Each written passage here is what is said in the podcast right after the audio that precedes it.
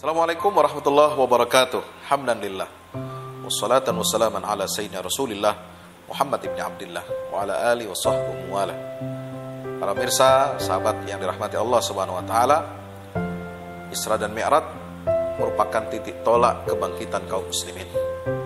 Siapa orang yang ingin mi'raj dalam sholatnya, maka dia harus memuliakan masjid, memuliakan tanah, di situ berpijaknya Rasulullah SAW dalam peristiwa Isra dan Mi'rajnya.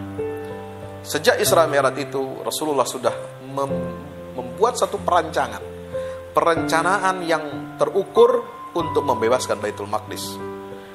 Awalnya, Nabi diberikan tanda kenabian adalah ketika ibunda beliau melahirkan beliau dan melihat cahaya keluar dari rahimnya sehingga dengan cahaya itu dia melihat istana-istana negeri Syam. Dikuatkan lagi ketika malam Isra dan Mi'raj di mana Allah perjalankan Muhammad SAW dari Masjidil Haram ke Masjidil Aqsa melihat tanda kebesaran Allah Subhanahu wa taala. Menerima mandat otoritas atas Baitul Maqdis dari para nabi dan rasul sebelumnya. Setelah itu beliau di Madinah berjuang menegakkan daulah Islam, menegakkan mendirikan peradaban Islam. Ya. Maka di situ Nabi SAW menyelesaikan dahulu urusan dengan kaum musyrikin, menyelesaikan urusan dengan Yahudi, dan baru setelah itu kejayaan Islam, Nabi melebarkan sayapnya, ekspansi untuk mengalahkan Romawi di negeri Syam. Dua kali perang, yaitu perang Tabuk dan perang Mu'tah. Ya, Nabi kirimkan pasukan untuk mengalah untuk merebut Baitul Maqdis dari penjajahan Romawi. Maka tugas kita sekarang adalah melanjutkan perjuangannya Rasulullah SAW.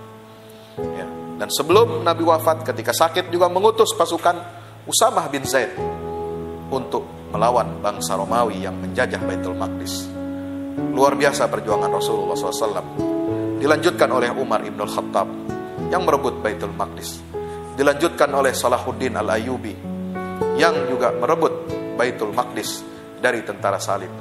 Dilanjutkan kita harus mengenang bagaimana perjuangan ya Ja'far bin Abi Talib, Abdullah bin Rawaha dan Zaid bin Harithah yang gugur syahid di jalan Allah untuk memperjuangkan Baitul Maqdis.